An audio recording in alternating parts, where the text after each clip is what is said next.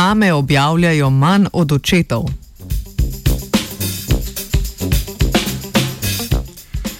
V današnjem 8. marčevskem znanstvenem Britofu poročamo o izsledkih raziskave ameriških znanstvenic in znanstvenikov o vplivu starševstva na nižje povprečno število objavljenih znanstvenih člankov pri ženskah.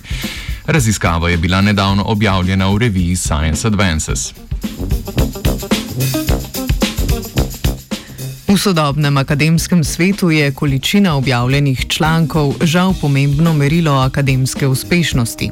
Desetletja raziskav kažejo, da moški na številnih akademskih področjih povprečno objavijo več znanstvenih člankov. Predlaganih je bilo že veliko razlag, zakaj je tako.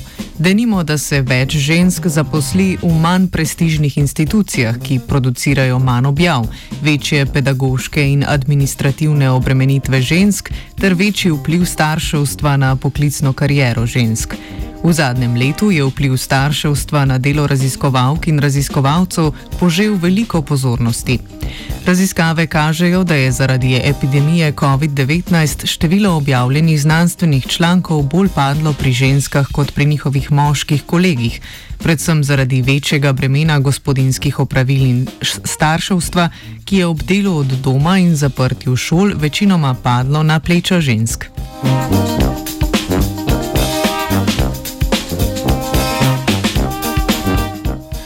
Ameriška raziskovalna skupina je s pomočjo ankete kvantificirala vrzel v povprečnem številu objavljenih člankov med raziskovalkami in raziskovalci na začetku karijere. Sodelujoče v anketi so uvrstili med ženske oziroma moške na podlagi samoidentifikacije.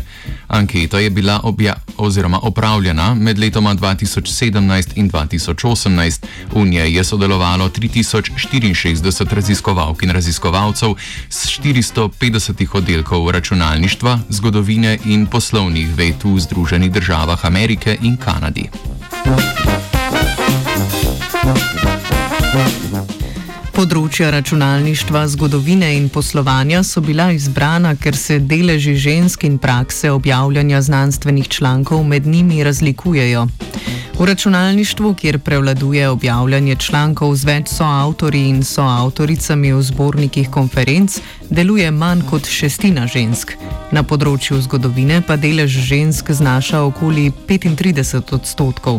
Pogosto je objavljanje monografij z malo soavtoricami in soavtori ali brez njih. V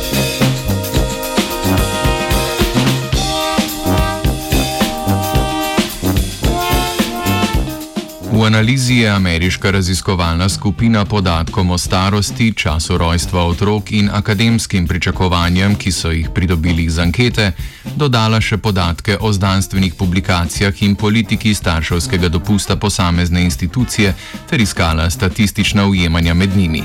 Primerjali so število objavljenih člankov pri starših in ne starših, raziskovalkah in raziskovalcih ter znotraj staršev pri moških in ženskah.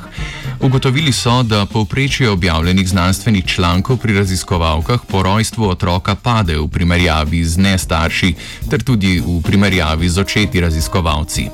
Z vplivom starševstva so lahko pojasnili večino paca števila objav pri materah raziskovalkah. Iz anketnih odgovorov so ugotovili tudi, da je velika večina mater in le dobra polovica očetov, ki so imeli na voljo starševski dopust, to možnost tudi izkoristila.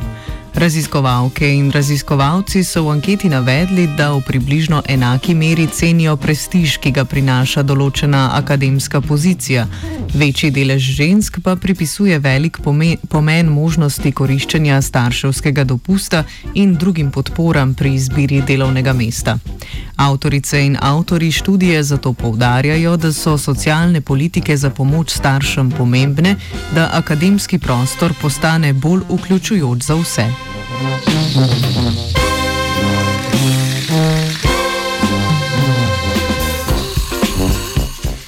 Članek o vplivu starševstva na objavljanje člankov je brala Angelika.